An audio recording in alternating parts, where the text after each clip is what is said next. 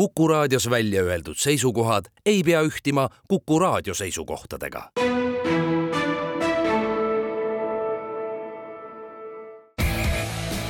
vutikohus. vutikohtul aitab pinget kruvida Pahv tere tulemast kuulama Kuku raadio jalgpallisaadet Vutikohus, mis on eetris igal neljapäeval ning mida juhivad Ott Järvela jalgpalliportaalis sokkernet.ee ja Andres Vaher Õhtulehest meie saadet saab järelkuulata Kuku raadio koduleheküljel ja äpis Player ning samuti iTunesis, Spotify's ja Postimehe spordiveebis. vutikohus võtab igal nädalal jutuks aktuaalsed jalgpalliteemad ning tähtsamad kohtumised algab vutikohtu saja üheksakümne esimene istung ning meie esimeseks äh, saateosa teemaks on nagu ikka möödunud nädala jooksul peetud tähtsamad jalgpallikohtumised kuna vahepeal olid äh, pühad kodumaal ning enamik Euroopa riike peavad jalgpallis suvepuhkust, siis neid kohtumisi, millest rääkida liiga palju ei ole, aga see-eest olid nad üpris äh, tähtsad ja ka väga oodatud, sellepärast et Premium liiga naases nädala esimeses pooles äh, pausilt, mis oli siis äh, seotud koondise akna ja, ja ka jaanipühadega ning kahe ja poole nädalase vahe järel Premium-liiga klubid taas punkte jagasid ning toimusid kaks kohtumist, kus vastamisi eelmise hooaja esineliku klubid esmalt teisipäeva õhtul olid vastamisi Paide linnameeskond ja Nõmme Kalju ning eile õhtul FC Levadia ja FC Flora. Neid kahte mängu ühendas üks äh, suur tõsiasi, äh, väravaid neis mängudes ei löödud, ehk et mõlemad mängud lõppesid null-null viigiga. samas tuleb nentida, et kumbki null-null polnud igav või selline mannetu või, või paha mäng. ja et nendes mängudes oli, mõlemad olid üsna tasavägised ja võrdlemisi noh, oodatult ka võrdsed ja tähtsad mängud ehm, aga jah, et olgu siiski ära öeldud, et, et Paide Kalju äh, siis selle hooaja esineliku mäng ei ole, on siis tegemist. ja, ja eelmise hooaja esin-, eelmise hooaja esineliku meeskonnad. just, et äh, antud hetkel on siis tegemas, tegemist vastavalt seitsmenda ja viienda meeskonnaga äh, tabelis ja, ja noh, ikkagi noh, selgelt oli märgata, et Paide selles mängus seda võitu rohkem janunes, tahtis, vajas, taga ajas, aga kätte ei saanud ja no Paide Kalju mängust alustades, siis võimalusi tegelikult selles mängus oli arvestataval hulgal äh,. aga, ja, ja viik oli küll õiglane tulemus, seda pärast mängu enam-vähem kõik leidsid, aga noh, leiti, et see viik oleks pidanud olema skooriga, no kaks-kaks või neli-neli või midagi sellist. noh, neli, see oli väikene nali aga, aga jah, tõepoolest, et äh, väravate löömine mõlema, kummalgi võistkonnal välja ei tulnud ma.... ei, ei, ei midagi uut selle hooaja kontekstis. jah, aga kui ma panen siia otsa veel ka eilse Flora Levadia, siis ma ikkagi äh, arvan, et see on seotud just nimelt selle kahe ja poole nädalase võistlusmängu pausiga. et jah, äh, mõned mängijad olid ka koondiste juures hõivatud, noh, Florast kõige rohkem, Levadiast mõned Paidest ja Kaljust peaaegu mitte keegi. Mm, äh, aga ikkagi see võistlus, enamikel platsil on mängijatel oli võistlusmängu paus selja taga ja, ja sealt äh, uuesti ennast sama hästi käima saada ei ole vast niivõrd lihtne, kõik ei toimi niivõrd ladusalt ning muidugi mõlemat kohtumist kammitses ka just nimelt, ma arvan, kõigi nelja osapoole selline esmane eesmärk mitte mingil juhul kaotada, et mitte teha seda nii-öelda restarti, äh, mida see hooaja keskel äh, pau-, pikemalt pausilt naasmine tähendab, mitte teha see restart kaotusega, mis oleks noh, emotsionaalselt olnud keeruline, sellepärast ma arvan, kõik neli võistkonda, kes siin nendes mängudes platsil käisid, olid enam-vähem alateadlikult nõus ka selle null-nulliga leppima ja noh, sellepärast ma Paide välja tõingi, et Paide on kindlasti üldse võib-olla premium liigas praegu meeskond, kes on, kes on võrreldes siis oma ootusi kõige tagasihoidlikumas äh, seisus, et, et noh, nad peavad hakkama ühel hetkel mänge võitma ja võitma mänge ka nende meeskondade vastu noh, kelle vastu võit ei ole nii-öelda nagu elementaarne tulemus, et, et, et medalitki vähemalt saada, kuigi noh, samas praegu on vahe pronksi kohaga viis punkti, endiselt ei ole mitte midagi, kuna, kuna, kuna keegi sealt väga ei võida, siis, siis, siis midagi katki ei ole, aga, aga jah, et kui nüüd siit võib-olla liikudes ikkagi selle, selle nädala või tahad, sa tahad? räägime veel Paidest, ma Paidest paar sõna veel ikkagi, et Ivan Stoikovitši jaoks oli siis kolmas mäng peatreenerina ning äh, nendes kolmes mängus pole löödud Paidele tegelikult ainsatki väravat, et, et ühe, üks selge muutus, mis Stoikovitšil on õnnestunud ikkagi tuua, on see, et, et Paide kaitse on muutunud paremaks, pidavamaks. Äh, Floraga null, taga null, okei okay,, Harju Laagriga taga null on enam-vähem kohustuslik, noh, Paide vaatevinklist võetuna ja nüüd ka Nõmme Kalju vastu null. et see on selline päris hea vundament, millele ma usun, Stoikovitšil on, on hea nüüd edasist oma tööd üles ehitada. ja küsisin temalt pärast seda null-null viiki nüüd ka ründemängu kohta, et miks ikkagi väravaid ei tule. ta märkis kaks asja tõi välja, esiteks ründajate või üldse mängijate kohavalik karistusalas ja teiseks ka mängijate hulk, kes rünnakute lõpetuseks karistusalasse jõuavad, et muidugi tsenderduste kvaliteet Stoikovitši sõnul noh, alati võib olla parem, aga ta ei näe, et see oleks probleem, et need pallid, mis trahvikasti tulevad, oleksid ebakvaliteetsed, et pigem äh, kohavalikud ja puhtalt mängijate arv, kes sinna trahvikasti jõuavad, et, et äh, järelikult noh, dünaamilisemaks tahab ta Paide ründemängu saada, kaitsemängu on ta praegu kompaktseks saanud. ja no vähemalt Eesti liiga kontekstis on ja seejuures on huvitav see, et äh, et, et seal noh, loomulikult kaitstakse terve meeskonnaga, aga jutt, et keskkaitses on nüüd oma koha, tundub, et kahe jalaga kindlalt sisse võtnud seitsmeteistaastane Oskar Hõim, mis on mis on päris noh, ma ei saa isegi öelda üllatav, aga mis on julge käik, kes siis hooaja alguses mängis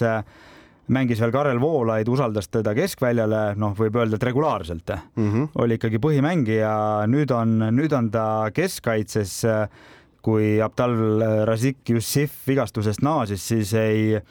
siis ei langenud, ei langenud pingile mitte Gerdo Juhkam ega mitte, mitte Hõim, vaid langes Juhkam. Juhkam ja noh, Kristjan Pelt ongi nüüd terve see hooaeg pingipoiss olnud, et ja Hõim on nüüd on seal sellel positsioonil põhimängija, et päris huvitav ja ja arvestades, et et konverentsiliiga mängud on tulemas, siis selles mõttes see annab sellist ja arvestades, et Paidel on niisugune keskmisest parem loos, siis see, et nagu meeskonna struktuur vähemalt selles mõttes, mis Euroopas on väga tähtis, et äh, kord on üldiselt majas. Äh, see annab sellist mõõdukat optimismi, et noh, jah, loomulikult pall tuleb ka väravasse saada, aga noh, ju siis tuleb korrata seda eelmise aasta null-nullidega ja penaltitega edasiminekut, mis seal siis ikka. ja kusjuures mõõdukat optimismi kiirgus selle null-nulli järel ka Nõmme Kaljuleerist. Neilgi olid selles mängus paar väga head väravavõimalust, Alex-Mattias Tammel väravat lüüa ei õnnestunud, lisaks veel Olivier Rommens sai vigastada, no kui tõsine see põlevigastus on, ei tea, aga, aga hea see ei paistnud. ent, ent Nikita Andreeviga, nende peatreeneriga pärast mängu rääkides oli ka noh, selline ikkagi noh, kerge rahulolu, et esitus oli korralik. noh, mis mis, mis tegelikult on, Kaljul muidugi tahtis saada kolmandat järjestikust võitu, mida neil sel hooajal polegi veel õnnestunud kordagi äh, saavutada, kolmemängulist võiduseeriat kokku panna. aga samamoodi nagu Paidele pole nüüd kolm mängu järjest väravat löödud, pole ka Kaljule. nii et ka Andreev on suutnud Kaljus mingisuguse ikkagi noh, kvaliteedihüppe teha, mul on tunne, võrreldes äh, siin vahepealse ajaga, kui tal seal aprillis ja mais olid asjad ikka päris hapud nii, aga liigume siis siit võib-olla siis Levadia Flora eileõhtuse oodatud mängu juurde, mis küll võib-olla mõnele valmistas pettumuse, sest noh, tava, tavaline vaataja läheb ikka vaatama ju vaatemängu ja selle juurde käivad äh, oodatud skriptis väravad, seekord neid ei tulnud nagu ka Paide Kalju mängus ja ja siis natuke isegi võib-olla üllataval kombel on, pole Flora sel hooajal omavahelistes mängudes Levadiaga veel neile väravat lüüa suutnud. avaringi mäng siis kaks-null kaotati, aga tabelis ollakse endiselt siis kahe punktiga ees. jah, no oli eripalgeliste poolaegadega mäng, esimene poolaeg kuulus väga selgelt FC Florale Äh, Konstantin Vassiljevil äh, oli neljakümne viiendal minutil ka noh, suurepärane võimalus värava löömiseks, aga Karl-Andre Valner Levadia väravast tegi väga hea tõrje. teine poolaeg oli, oli palju selgemalt jällegi Levadia jagu, kes tuli vaheajalt isukamalt, äh, intensiivsemalt, pani Flora mm, võiks öelda isegi kerge surve alla. tõsi, Floral ka selle surve alt tekkis kuuekümne teisel minutil väga hea võimalus, kui Nikita Mihhailov oli, oli silmitsi Valneriga, jälle jäi Valner peale ja mängu lõpus oli ka Floral, kui nad vähemusse olid jäänud seal teise poole keskel Märten Kuuse punasest kaardist. vähemuses suutis ka Flora kontrast korra teravalt nõelata, aga pigem see mänguline ülekaal teisel poolel oli Levadia päralt minu meelest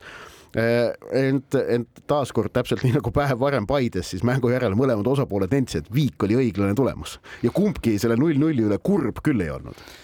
ja noh, selles mõttes ta ikkagi sobis, sobis kindlasti Florale paremini, noh, hea küll, on see kaks punkti, mis ta on, noh, pool, pool liigast on mängitud täpselt, noh, väga palju ei ole, aga siiski rohkem kui mitte midagi. Pluss siis see, et, et Flora jäi vähemusse ja teise poole alguses juba enne vähemusse jäämist oli ikkagi Levadia sai nagu mänguohjad tegelikult enda kätte, et ja noh, kui veel juurde lisada ka siis see, et, et, et Flora ikkagi mängib praegu äh, pall ko, koosseisu probleemid on ikkagi märkimisväärsed, noh, eriti võrreldes Levadiaga, kellel on põhimõtteliselt kõik mängijad olemas, et et sellised tegurid ju mõjutavad seda mängu ja, ja ikkagi väga selgelt eile tunnetasin seda mängu vaadates ja mõeldes ka ette eurosarja mängude peale, et noh, iseasi on see, et Floral ongi väga raske vastane meistrite liiga esimeses eelringis kohe, aga aga see meeskond ei ole praegu kuidagi noh, tasakaalus, et seal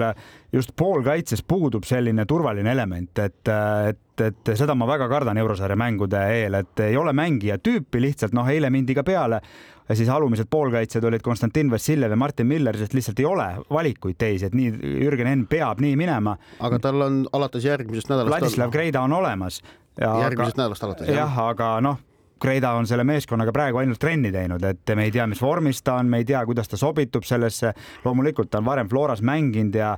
aga vähemalt see, mis praegu on va nagu vastuvaates, on väga selgelt, ma kuidagi tunnetasin, et Floral on, on see probleem, liiga ründav on koosseis lihtsalt. tasakaalu ei, ei ole seda maksimaalset tasakaalu nojah, et eks, eks Eesti liiga mängudes Flora kui domineeriv osapool. aga noh, Levadiaga mängus nad ei too. ilmselt saabki olla või noh, peabki natukene ründavama koosseisuga olema, et Euroopas jah, tõsi on see hoiak võib-olla mõnevõrra teistsugune, aga Flora vigastusprobleemid, olgu need täpselt üles ka loetletud, siis need on tegelikult päris massiivsed.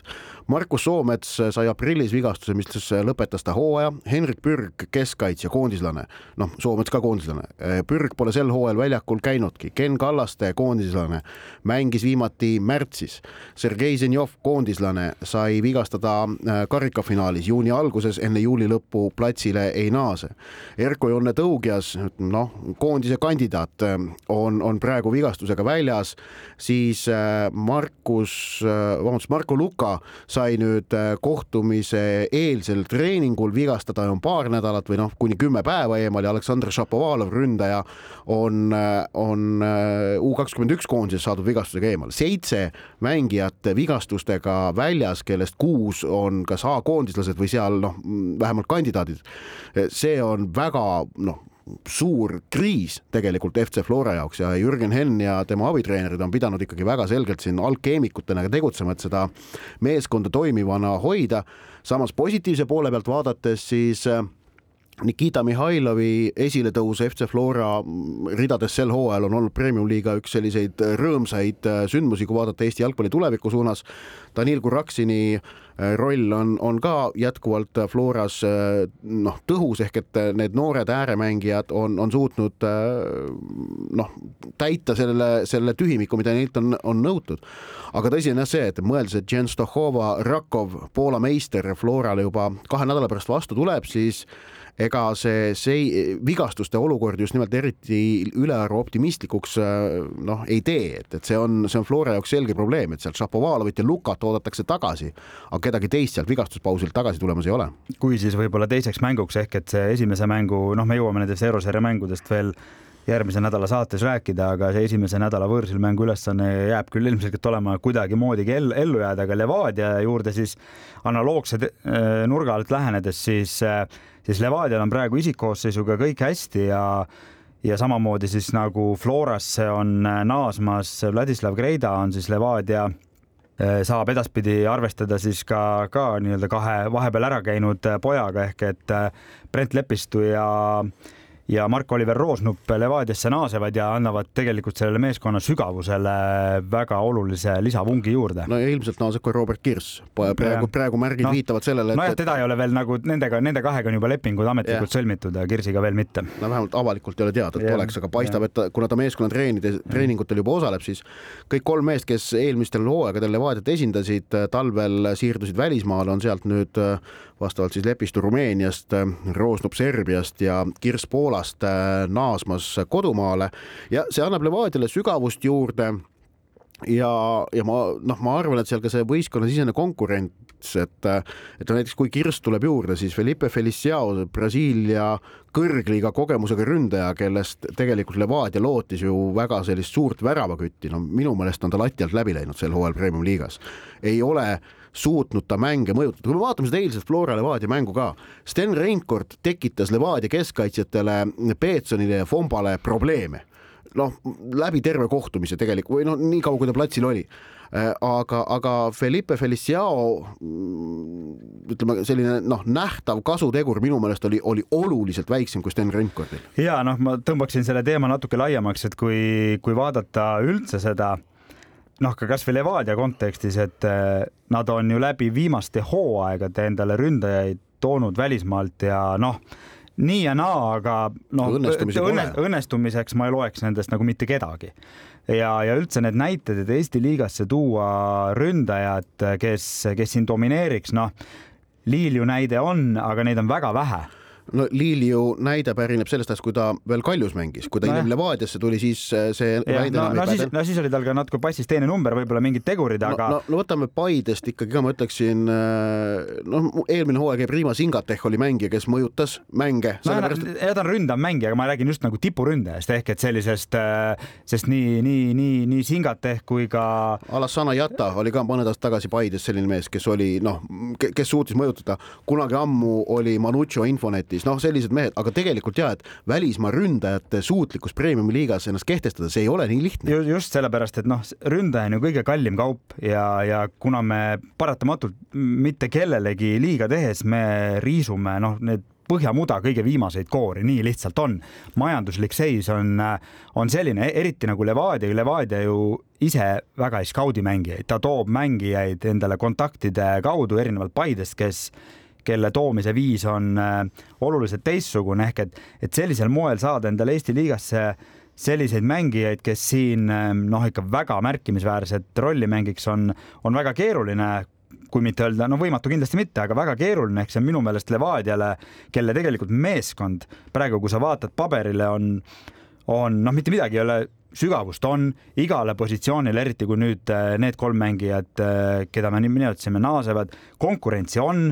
kõik... no, no äärekaitsepositsioonid on sellised, kus natukene nagu ja, no, tahaks, tahaks ilmselt enamat kõik, aga tegelikult. See, see on tegelikult Eesti jalgpalli nagu tegelikult läbiv probleem, et. Äh, äärekaitsjatega on praegu jah just, probleem, aga, aga samas jah, et äh, arvesta seda, et Levadia alustas eilset mängu äärtel mängijatega, kes eelmisel hooajal mängisid Michael Schöning Larsen vasakkaitse FC Kuressaares, Aleksandr Zakarljuka vasakäär Narva Transis, Edgar Turr paremkaitsja Paide linnameeskonna pingil ta ei mänginud Paide eest, eelmine hooaeg ta oli põhimõtteliselt Paide ikkagi pingipoiss või noh, teise valiku paremkaitsja ja paremal äärel Jon Jakovlev Tallinna Kalevis, et selliste, sellise klubide eelmise hooaja mängijatega. ja, ja, vahetus, ja, ja vahetusest lisandus Nikita Vassiljev ka veel ikkagi noor mängija. just, aga et, et nad sellega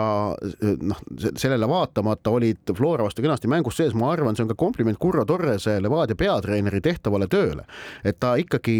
on päris edukalt suutnud selle poole aastaga, mis ta praegu on Levadiat äh, juhendanud, suutnud seda meeskonda kokku liimida ja meeskondlikkust tõsta, mis äh, noh, Levadial eelmise hooaja lõpus ju selgelt lappasse läks. ja, ja ilmselgelt on mängudest näha, hea küll, on punkte loovutatud äh, siin noh, kõik need Harjula kaotused ja siuksed ruma,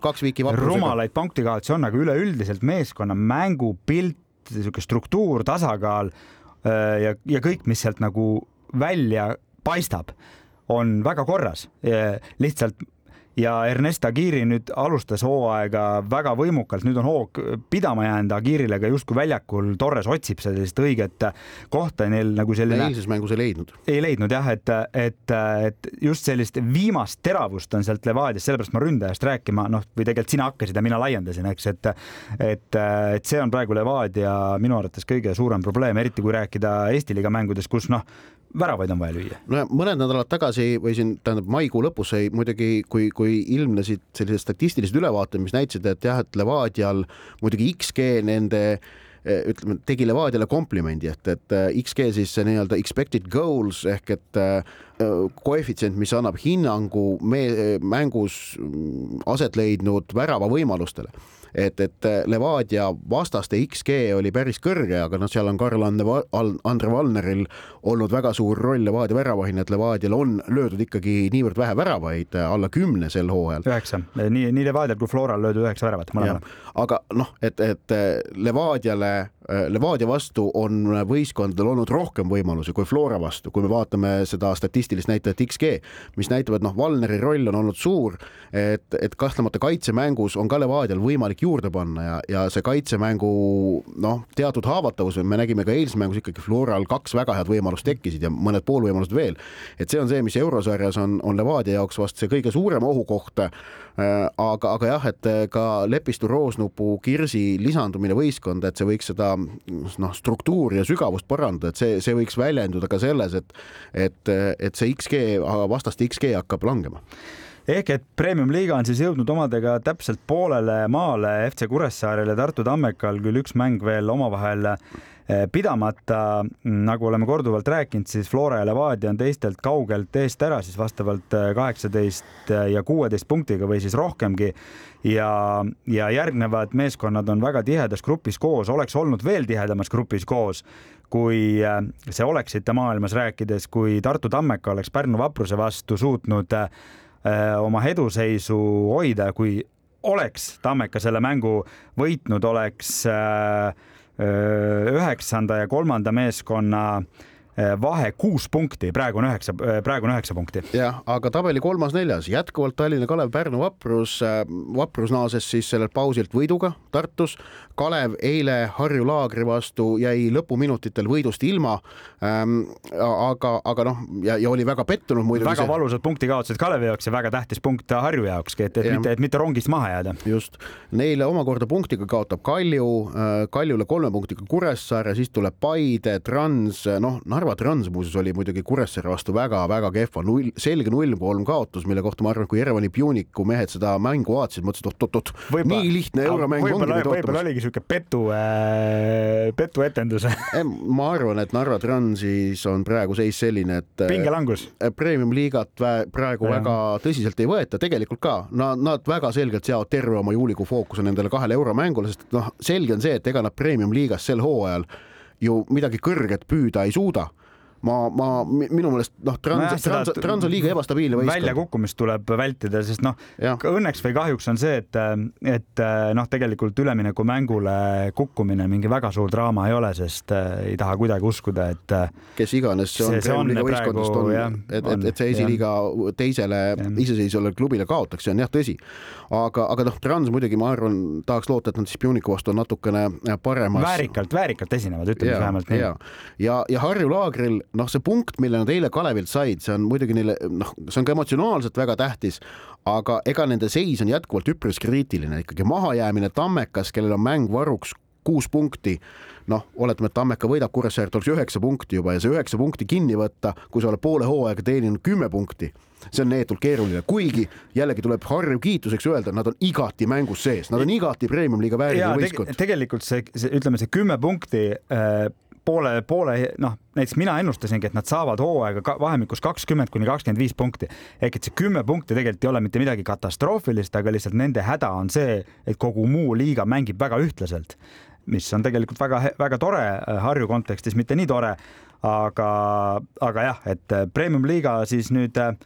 peab ühe vooru veel tuleval nädalavahetusel, millest me räägime saate või ei räägi, me räägime nüüd kohe, et, et tuleb meil nädalavahetusel äh, reede kuni pühapäev on meil, on meil täisvoor taas ja siis minnakse väiksele pausile. Ja ühe asja ma jätsin muidugi Flora Levadia või Levadia Flora mängu kohta ütlemata, publiku rekord sündis seal kolm. selline väike pisiasi. kolm tuhat viissada kümme pealtvaatajat, mis oli premium-liiga ja noh, juhtide ja, ja ka klubide nende inimeste jaoks, kes, kes selle kogukonnatööga tegelevad väga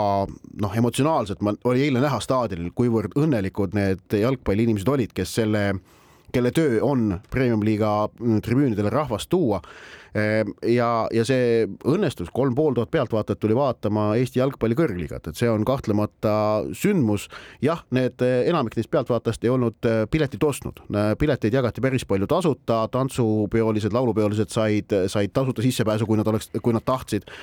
Ent, ent kahtlemata oodata, noh, tuleb seda ainult kiita ja nüüd on huvitav on see, et, et sel reedel Pärnus on oodata samamoodi väga publikurohket mängu, sellepärast et Pärnu Vapruse ja Paide linnameeskonna matš toimub äh, Pärnu Summer Cupi noorteturniiri ajal, mis äh, enamasti toob Pärnu rannastaadioni tribüünid täis noori jalgpallisõpru. ja noh, võib-olla isegi üsna kindel, et sealt tuleb siis hooaja tee-, noh, siis nii-öelda suuruselt teine publikunumber, aga jah, et, et korra, korra ka selle, selle publiku näidu juurde tulles, et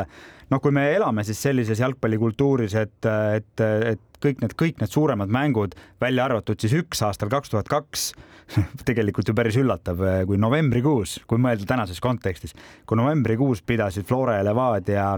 hooaja viimast mängu oli siis tiitlimäng, siis tuli ka üle kolme tuhande eh, pealtvaataja eh, ja, ja kõik kolm suuremat läbi ajaloo premium-liiga, noh, me räägime siis praegu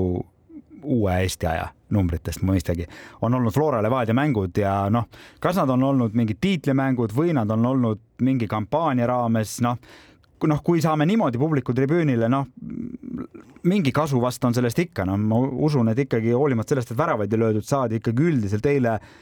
päris sihuke tore kogemus, et vast ikkagi mõni või mõnikümmend inimest nendest, kes muidu ei käi sagedasti liigat vaatamas, tuleb sealt ka edaspidi püsivaatajaks ilma kampaaniateta. jah, aga kõik need neli võistkonda, kes siis siin null-null viigi eile või üleeile tegid, on nädalavahetusel uuesti väljakul ja siis teistsuguse väljakutsega silmitsi Paide võõrsil Pärnu vaprusega, Kalju kodus Tallinna Kaleviga, noh, mõlema jaoks ülitähtis koht, et eh, tegemist on otseste tabelirivaalide kohtumisega tegelikult. pronksi mäng. jah, Levadia peab kodus mitte vääratama Transi vastu ja Flora kodus mitte vääratama Tammeka vastu, nii et neil on selline, kuidas öelda, kindluse proov. vutikohus, vutikohtul aitab pinget kruvida Pahv vutikohtu saja üheksakümne esimene istung jätkub ning saate keskmises osas otsustasime sedapuhku rääkida üleminekuturul toimuvast, sellepärast et eh, juunikuu on lõppemas ja mis tähendab, et eh, nüüd siin juuli algusega avaneb Euroopas üleminekuaken nii-öelda ametlikult, kuigi diilid on siin juba varem kokku lepitud, siis mängijate registreerimine on võimalik juuli algusest eh, alates ja üleminekuturgu suvel kaks tuhat kakskümmend kolm iseloomustada, siis paistab, et see on ikkagi päris, päris intensiivne. et äh, koroona ähm, vahepealne mõju on nüüd pea täielikult kadunud, kauplemine käib äh, suurtel kiirustel ja hulga kaupa, kui paras-, parafraseerida siin ühte, ühte vabariigi endist presidenti ähm, ja noh on, on, on vast noh, okei okay,, Jude Bellinghami minek Madridi Reali on, on olnud vast selle suve kõige selline suurem hitt ja no Bellingham oli äh, väga nõutud mängija, aga neid tähelepanuväärseid sündmusi ja arenguid on siin, on siin mitmeid. vast äkki, kas kõigepealt räägime äkki Saudi Araabiast, et me, me, me paar nädalat tagasi rääkisime, kuidas Saudi Araabia tõmbab ja neid mängijaid, aga, aga noh, see paistab, et, et tähendab, et nad ei rahuldu üksikute tõmmetega, vaid nad on ikkagi võtnud ette midagi päris mastaapset. ja no tegelikult ehm, kui, kui rohkem, noh, eelkõige räägitakse siis, et, et Saudi Araabia siis erinevatesse klubidesse on, äh, on toodud, äh, noh, kõige kõlavam mineja on ikkagi Karim Benzema aga tegelikult läheb ka sinna mängijaid siis nii-öelda mööda seda kujuteldavat jalgpallistaaride hierarhiat. Trepiastmeid pidi allapoole minnakse ikkagi ka siis nii-öelda võib-olla mingi viienda suurusjärgu tähtedeni ehk et nad tahavad seda, seda liigat siis mitte ainult üksikute tähted superstaaridega, aga üleüldse, no raha on lihtsalt niivõrd ohjeldamatult ja piiramatult palju. Eh, ja see omakorda mõjutab väga otseselt mitmes mõttes seda, mis toimub siis Euroopa jalgpalliturul ehk et noh, lihtne loogika on see, et vabanevad tippklubides uued ja tühjad töökohad, mis on vaja täita, pluss tegelikult arvestades, et äh, üks asi, millest on väga palju räägitud, see, et milliseid palkasid Saudi Araabia klubid maksavad äh, nendele nendele tähtmängijatele, aga nad maksu, maksavad ka kolossaalseid üleminekutasusid mängijatele, kellel veel lepingud kehtivad. ehk et tegelikult see mõjutab ka väga otseselt seda, mis Euroopa jalgpalliturul toimub, nad on täiesti otseselt seotud sellega, kui ikkagi klubile, näiteks Chelsea'le teeb Saudi Araabia klubi pakkumise nelikümmend miljonit ja ükski Euroopa klubi lihtsalt ei, ei taha sellist hinda maksta, siis, siis on see väga oluline turumõjutaja no ja, ja noh, Chelsea'st on läinud Saudi Araabiasse juba N'Golo Kante. Eduard Mendi nüüd. Eduard Mendi ja, ja samuti keskkaitse Kulibali. Kulibali kõik. ehk et kolm, kolm mängijat, kes kõik said Chelsea's väga kõva palka. Äh, Chelsea'l vabanesid ressursid nüüd nende palga äh, arvelt, nad teenisid korralikud üleminekutasud ja no arvestades, et Chelsea, mida eelmisel hooajal, kuivõrd palju Chelsea raha kulutas ju noh, Mihhail Mudrõk ja Enzo Fernandez olid vast sellised kõige markantsemad näited, kus seal ühele eest ligi sada ja teise eest pealt saja miljoni välja käidi. Chelsea'l on vajagi ju enda raamatupidamises tasakaal üles leida, sellepärast et ega UEFA reeglid ja ka Inglismaa sisereeglid ei luba äh, lõputult kulutada, vaid kulutused peavad olema ikkagi noh, sama suured, kui on äh, teenitavad tulud, pluss on lubatud omanikul sisse panna hooaja kohta kolmkümmend miljonit eurot noh, seda võib tõsi seal hooaegade lõikes natukene nihverdada, et sa paned üks hooaeg kuuskümmend ja järgmine hooaeg ei pane näiteks midagi, et sa kolme hooaja lõikes üheksakümmend miljonit on lubatud nii-öelda omaniku poolt siserendist raha panna, aga Chelsea'l, kuna neil on väga palju mängijaid, siis neil on vaja noh, mängijaid müüa. Eh, Saudi Araabia näol nad on leidnud praegu endale väga tänuväärse lahenduse sellele kitsikusele, kuhu nad olid ennast tegelikult eh, pannud ja see omakorda, et nad on leidnud selle lahenduse on muidugi tõstatanud kahtluse, kas see mäng on puhas. ehk et on, on visatud õhku kahtlused, et Londoni Chelsea omanik Todd Burley võib olla ka opereerinud tegelikult Saudi Araabia rahaga, et äkki seal Saudi Araabia on, kes, kelle, kelle, kelle selle kuulsa riikliku investeerimisfondi omanduses on Newcastle United, äkki nad on ka kuidagi mingit pidi Burley rahastajad olnud ja seeläbi varjatult Chelsea omanikud ja noh, need kahtlused on tähendab, nende kohta ei saa ju midagi öelda, kas see vastab tõele või mitte, me ei tea. Äh, aga miks need kahtlused on üleüldse tõusnud, siis äh, ma arvan just nimelt, et see erakordselt suur rahahulk, mis praegu jalgpalliturgule on sealt Saudi Araabia kaudu tulnud, on äh, noh, tekitab neid vandenõuteooriaid, kuna see, see raha mõjutab konkurentsi, konkurents omakorda mõjutab au ja kuulsust, mille nimel jalgpallis võitlus käib. just ehk et Saudi Araabial, Saudi Araabias toimuv ei ole üldse mingi sihuke eraldi nähtus, vaid mõjutab otseselt kõike, mis mujal toimub. no Ruben Nevesele, Ruben Nevese Portugali koondise seest maksti Wolverhampton Wanderersile viiskümmend viis miljonit eurot onju. noh, mis on, mis on tegelikult fenomenaalne summa, et, et ja, ja just nimelt nad toovad endale ka mitte sellist esimese suurusjärgu tähti, vaid teise ja kolmanda ehk et sellele tähesärgile särale või tähetolmule, mida pakuvad Ronaldo ja Benzema, pannakse juurde sellist väga korralikku tipptaset. Ja, ja, ja noh jällegi selle eh, Hiinaga mõne aasta taguse sellise või mõne viie-kuue aasta taguse projektiga ja, ja, ja MLS-iga võrreldes, siis Saudi Araabial on, on väga korralik kodune jalgpallikultuur olemas, kauaaegne. et, et selle peale nad võivad ehitada küll jah, iseasi muidugi, kui eetiline see kõik on. Eh, aga kui nüüd Euroopasse liikuda, siis eh, noh, selge, et, et tegelikult ju üleminekuturg alles avaneb siin meil esimesel juulil aga jah, et Jude Bellingham on siis kindlasti kõige, igatepidi kõige märkimisväärsem, kõige kallim. Eh, ainuke siis praegu üle saja miljoni tehing on juba tehtud, aga neid, neid tuleb veel ja me võiksime nendest näidetest rääkida palju, aga võtaks eh, kolm nime kellel peatuda ja kellega siis saab neid, neid üleminekuturu tahkusid avada, ehk et Declan Rice, Ilkay Gündogan ja Harry Kane on praegu kõige-kõige märkimisväärsemad nimed. Declan Rice, West Ham Unitedi poolkaitsja, kes juhtis meeskonna konverentsiliiga võiduni ning tal on lepingut aasta aega järel, mis tähendab, et oli selge, et West Ham teeb, teeb ta rahaks, ta oli West Hami kõik lepingupakkumised uued tagasi lükanud, tahtis liikuda mõnda Inglismaa tippklubisse. Arsenali huvi oli pikaajaliselt teada mingil hetkel sekkus aga sellesse, noh, kõik arvasid juba, et on selge, et Rice läheb Arsenali, aga siis hakkas huvi tundma ka Manchester City ning tulemus oli see, et, et Arsenal lõpuks nüüd Rice'i küll kätte saab, aga pidi maksma mingi paarkümmend, kolmkümmend miljonit rohkem, kui oli algselt äh, kavas. ja, ja, ja lisaks sellele, et peab maksma ka rohkem, on äh, noh, Arsenali majandus, majandamismudel on natuke või palju teistsugune kui Manchester Cityl. Äh, esialgu nad soovisid maksta esimese summa, selle suure summa märkimisväärselt väiksema kui kuuldavasti siis nüüd, mis lõpliku tehinguga eh, teoks saab, nii et, et eh, see ka siis turul olukord ise noh, ja Rice on Arsenali jaoks niivõrd ja Mikel Arteta jaoks niivõrd oluline täiendus, et noh, teinekord küll harva, aga vahel võib ka juhtuda sihuke, sihuke olukord, et, et lihtsalt siis see teine klubi ei tee enam uut pakkumist ja City oleks olnud olukorras, kus ta nagu peab, peab äh, siis oma pakkumisega edasi minema, aga, aga noh, praegusel hetkel oli niivõrd selge, et Arsenal kindlasti Declan Rice on absoluutne võtmemängija, keda, keda Arteta praegu tahab, nii et siin Cityl seda ohtu ei olnud. Ilkay Gündogan võitis Manchester City's möödunud hooajal kõik, mis võita andis, oli kolmikvõidu arhitekt meistritiitel karikas ja meistrite liiga, aga siirdus nüüd vabaagendina FC Barcelonasse. ja, ja see oli tegelikult üks sellest väga palju küll ei räägitud, aga see oli tegelikult väga märkimisväärne lugu. Barcelona tahtis Gündogani pikemat aega aga ta ei saanud teha ühtegi väga konkreetset lüket, enne kui polnud selge, mis saab Lionel Messist. sest selge see, et, et Barcelona esimene valik ikkagi oli Lionel Messi. aga kui sai selgeks, et Messit praegu tuua ei õnnestu, siis, äh, siis äh, hakati väga aktiivselt liigutama Gündogani suunal. Xavi teda väga soovis meeskonda ja lõpuks sai siis otsustavaks see, et, et Barcelona pakkus Äh, Gündoganile kaks pluss üks lepingut, kusjuures seal sees on klausel, et kui Barcelona ju rahalised probleemid on äh, kõigile teada, on ka teada Ilkay Gündoganile ja tema nõustajatele. kui peaks juhtuma niisugune noh, küll ebatõenäoline, äh, aga siiski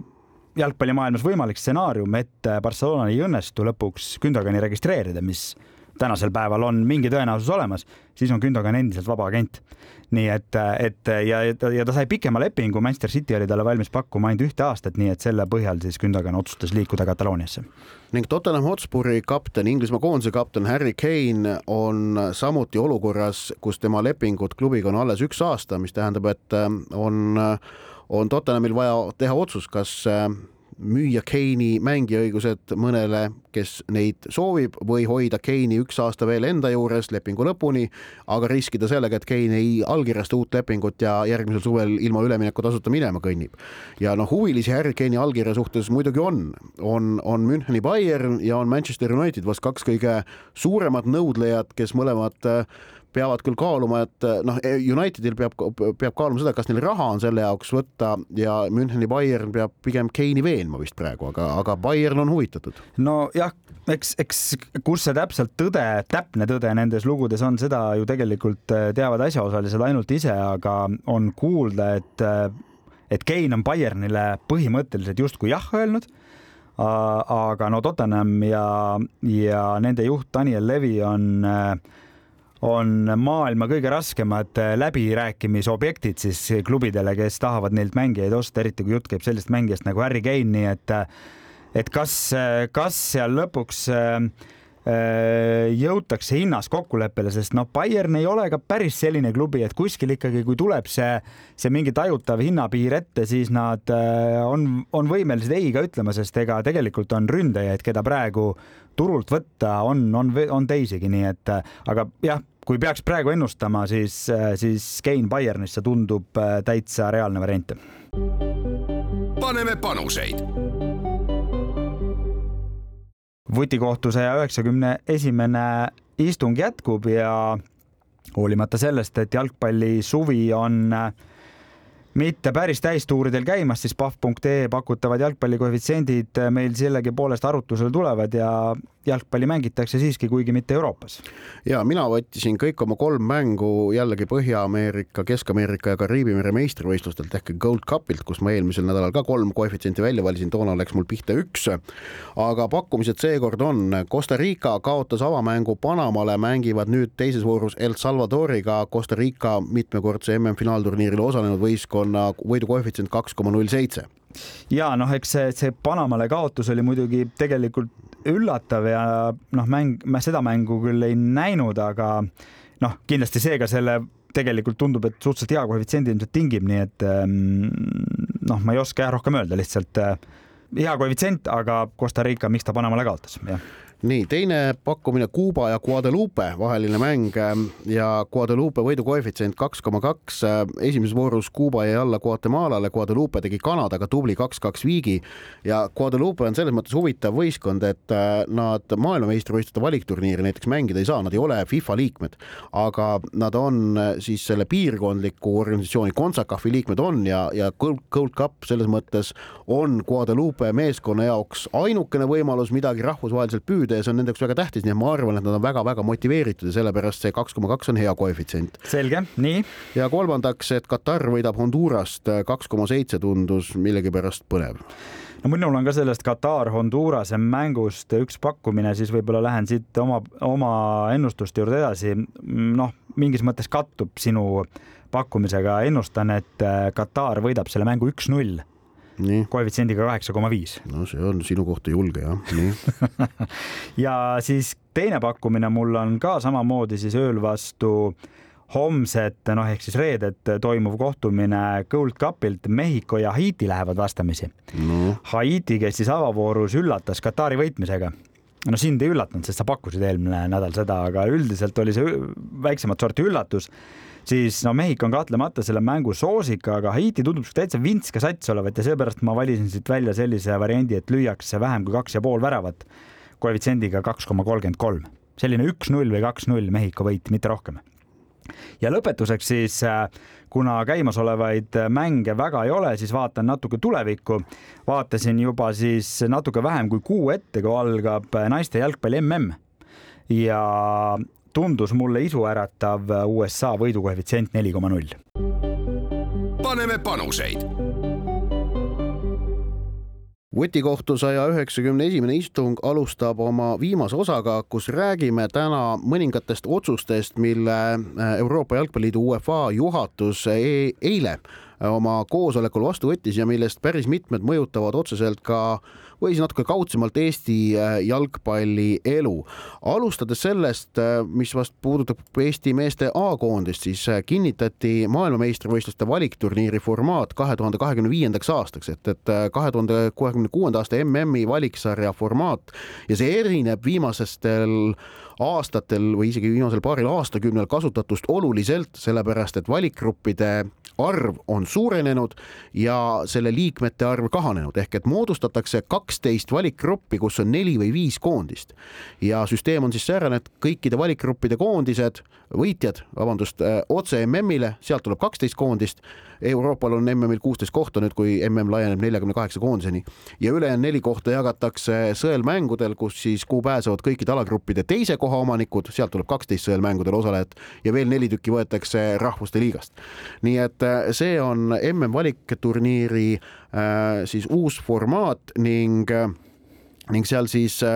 noh, see, see on oluline kahes vaate, kahe, kahest nüansist. esiteks see, et tekivad tagasi võimalused pidada maavõistlusi, sellepärast et ühel kahe tuhande kahekümne viiendal aastal on viis koondise akent, kus on kümneks mänguks ruum, aga kui näiteks meeskond satub neljaliikmelisse valikgruppi, siis valikmängud võtavad sellest ära ainult kuus kohtumist. ja et noh, kui, kui tuua siis nüüd paralleel sellega, et praegu siis käimasolevas EM-valiksarjas on kümme alagruppi viie ja kuueliikmeliste alagruppidega, kus siis Eesti on viieliikmelises alagrupis ja tänu millele meil on juba tegelikult äh, maavõistluste kohad, noh näiteks nüüd äh, sügisel mängitakse äh, kodus Taiga. ja märtsis mängiti Ungariga. just ja siis noh, loog-, loogiliselt järeldades, kui seal peaks sattuma äh, neljaliikmelisse alagruppi, siis tekib neid maavõistluste auke veelgi enam, viieliikmelises samamoodi, et ehk et see on siis jah, see põhiline mõju ja neid maavõistlusi siis kuna tegemist on mm valiksarjaga ehk et üldise kalendriga, siis neid valik, neid maavõistlusi saab pidada nii-öelda maailmaüleselt, mitte ainult Euroopa meeskondadega. ja siis äh, UEFA jagas ära mõned finaalkohtumised. konverentsiliiga finaalid kaks tuhat kakskümmend neli ja kakskümmend viis mängitakse Ateenas ja Wroclawis ning naiste meistrite liiga finaal kaks tuhat kakskümmend viis anti Lissabonile. Äh, Lissaboni Sportingu kodustaadion Alvelade, Jose Alvelade nimeline areen seda mängu võõrustab ja noh, tegemist on UEFA põhimõtteliselt A-kategooria staadioniga, mis mahutab üle viiekümne tuhande pealtvaataja ja see näitab, kuivõrd suureks äh, sündmuseks on naiste meistrite liiga finaal siin viimase mõne aastaga tegelikult äh, tõusnud ja paisunud. Mul on meeles, et veel mõned aastad tagasi Äh, Eesti Jalgpalliliit äh, vaagis mõtet pärast seda, kui superkarikas oli, oli Euro Tallinnas ära mängitud Reali ja Atletico vahel, et äkki õnnestuks kuidagi tuua Tallinnasse ka naiste meistrite liiga finaalkohtumine. ja kaks tuhat kaheksateist, üheksateist võis see veel täiesti reaalsena tunda, sest et toona mängiti naiste meistrite liiga finaale sellistel noh, kuni kahekümne tuhandelistel staadionitel aga, aga praeguseks on see, tuleb see plaan maha matta, sellepärast et A Le Coq Arena oma neljateistkümne tuhande kohaga lihtsalt ei rahulda seda nõudlust, mida naiste meistrite liiga finaal on hakanud tekitama. ja, ja noh, tegelikult ka siin hiljutine naiste meistrite liiga finaal peeti näiteks äh, Eindhovenis, BSV Eindhoveni staadionil, mis on mis ei ole küll nii suur kui, kui see, kui see Lissaboni staadion, aga on ikkagi noh, hoopis teistes gabariitides äh, areen kui noh, millest me räägime ehk et äh, et naiste meistrite liiga huvi ja tähelepanu ja tähendus on lihtsalt tõusnud ja noh, noh, nii lihtsalt on ja pole mõtet äh, nutta. naiste jalgpalli osas üks huvitav otsus oli veel, äh, kehtestatakse miinimumnõuded äh, naiste A-koondiste tegutsemisele, et millistele nõuetele peavad Euroopa naiste A-koondised vastama. see säärase standardi sisseviimine on tehtud selge eesmärgiga aidata kaasa siis Euroopa nõrgemate koondiste, äh, naist, naistekoondiste arenemisele, sellepärast et jah, et kui tippudel on seal asjad väga hästi, siis tagapool kõik sellega niivõrd äh, ei tegele. no see on natuke nagu sama mudel, nagu siin äh, kodus Eesti Jalgpalliliit peab teatud klubisid või noh, peab sundima teatud naistega seotud tegevusi elementaarseid justkui tegema, nii et, et ja. jah. ja väga oluline muudatus on veel see, et äh, on olemas selline asi nagu noorte meistrite liiga, äh, mida Euroopas korraldatakse, äh, aga kuhu Eesti klubidel on seni asju olnud väga harva, sellepärast et seni oli see piiratud noh, Euroopa selle mm, kõrgliigade edetabeli, ütleme esimese kolmekümne viie kuni neljakümne riigiga, et kui sinna sisse ei mahtunud, erilist varianti sinna noorte meistrite liigasse kvalifitseeruda polnud, aga nüüd UEFA tegi muudatuse, mis tagab igale Euroopa jalgpalliriigile ühe koha selles noorte meistrite liigas, mis tähendab omakorda, et järgmise aasta Eesti uus U üheksateist eliitliiga võitja, mis selgub samal päeval kui meeste ja naiste karikavõitja, on kindlasti taganud endale koha eurosarjas. ehk et need noored kutid, kes hakkavad järgmise aasta kevadel selles U üheksateist eliitliigas mängima, teavad, et nad mängivad eurosarja pääsme nimel, noorte eurosarja pääsme nimel ja tagatud on siis üks, vähemalt üks kodus võõrsil duell. noh, kui võidad, siis saad teise veel. ja, ja ma ise arvan küll, et see võiks sellele U üheksateist eliitliigale mõnusa vungi juurde anda, et noh, nüüd tõesti tüübid teavad, et, et kui võidame, siis Euroopasse saame just ja see on ka tegelikult nagu klubidele, kes on selles vanuses mängijatega sageli olnud sellise valikukoha ees, et kus need mängijad, teatud mängijatüübid, kes on, kes on siis selle eliitliiga taseme ja esindusmeeskonna taseme vahel, et eh, kus, kus neid rohkem mängitada, ehk et see tähendus äh, on hoopis teine kui sel ajal, kui Levadia siin mõne aasta eest sinna, sinna pääses ja, ja meil oli U üheksateist eliitliiga täiesti veel korraldamata ja lõpuks tuli sellest Levadia Euroopasse käigust üks paras selline äh, häbi otse öeldes välja, et, et nüüd on see asi märksa paremini korraldatud, läbimõeldum ja klubidele palju motiveerima nii, aga meie saade tänaseks läbi, täname kuulamast, vutikohtu sai üheksakümne esimest istungit, saatejuhid olid Ott Järvela jalgpalliportaalis sokkernet.ee ja Andres Vaher Õhtulehest uuesti oleme eetris järgmisel neljapäeval ikka kell kakskümmend üks ja meie saadet saab järelkuulata Kuku raadio koduleheküljel ja äpis Player ning samuti iTunesis, Spotify's ja Postimehe spordiveebis. Kuulmiseni. vutikohus. vutikohtul aitab pinget kruvida Pahv